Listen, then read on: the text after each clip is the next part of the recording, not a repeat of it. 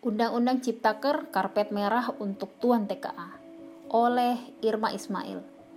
Gelombang kedatangan TKA asal Cina kembali terjadi di saat larangan mudik diberlakukan, bahkan di pekan liburan Idul Fitri Dikutip dari liputan6.com 16 Mei 2021 dengan menggunakan pesawat charter sebanyak 110 TK asal Cina pada tanggal 13 Mei 2021 tiba di Indonesia. Presiden Konferensi Serikat Pekerja Indonesia, Said Iqbal menilai bahwa pekerja Cina seperti kebal hukum dengan aturan Indonesia. Ini semua akibat berlakunya Undang-Undang Ciptaker yang menyatakan bahwa buruh kasar masuk Indonesia tidak perlu izin tertulis dari menteri. Sekretaris Kementerian Koordinator Bidang Perekonomian Susi Wijono Mugiarso menyatakan bahwa alasan TKA yang masuk ke Indonesia di masa larangan mudik berkaitan dengan kebutuhan industri, bukan mudik, karena terkait dengan jadwal produksi di mana ada beberapa industri strategis untuk perekonomian di tanah air. Hal berbeda disampaikan Adita Irawati, juru bicara Kementerian Perhubungan, bahwa pesawat charter yang membawa TKA sudah dihentikan sementara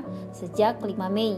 Artinya, pesawat charter tidak boleh dan kedatangan TKA dipastikan dengan pesawat reguler. Anggota Komisi 9 DPR RI Saleh Pertahunan Daulay menyatakan bahwa di tengah situasi pandemi COVID-19 yang belum usai, dikhawatirkan kedatangan TKI ini akan berpotensi membawa virus COVID-19. Di samping itu, TKI ini bekerja sebagai buruh kasar di saat banyak buruh lokal di PHK dan dirumahkan. Ini bak bola salju yang terus bergulir. Kedatangan TKA asal Cina khususnya seolah tak bisa dibendung lagi. Mirisnya, Kedatangan rombongan TKA secara bertahap ini di saat pemerintah melarang mudik lebaran. Lembaga Ilmu Pengetahuan Indonesia menyatakan bahwa banyaknya TKA asal Cina disebabkan karena Cina memiliki kebijakan bahwa penanaman investasi di luar negaranya harus diikuti dengan ekspor tenaga kerja. Inilah kebijakan dalam sistem kapitalisme. Buntut dari investasi asing, pemodal yang akan menjadi tuan besar di negeri kita Selain menguasai berbagai sumber daya alam, bahkan dapat mengatur serta mengarahkan agar undang-undang yang dibuat jelas berpihak kepada mereka melalui tangan-tangan pemegang kekuasaan di negeri ini. Undang-undang Ciptaker atau Omnibus Law adalah fakta nyata dari adanya persekongkolan antara penguasa dan pengusaha.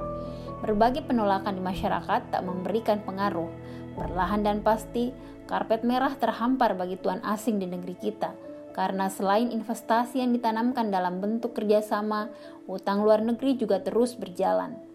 Tentu hal ini semakin memperparah keadaan. Kesemua hal ini terjadi karena manusia berlepas dari syariat Allah Subhanahu wa taala. Penguasaan sumber daya alam yang bebas dimiliki swasta atau asing telah membuat kekayaan alam atau sumber pemasukan negara berpindah tangan.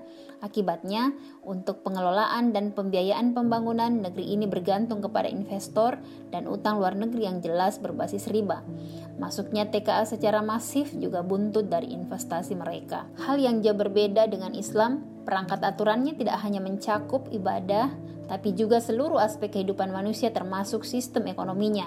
Kepemilikan dalam Islam terdiri atas tiga yakni kepemilikan individu, kepemilikan umum, dan kepemilikan negara. Kepemilikan umum dibagi dalam tiga kategori yakni pertama jenis tambang seperti batu bara, gas alam, dan minyak bumi.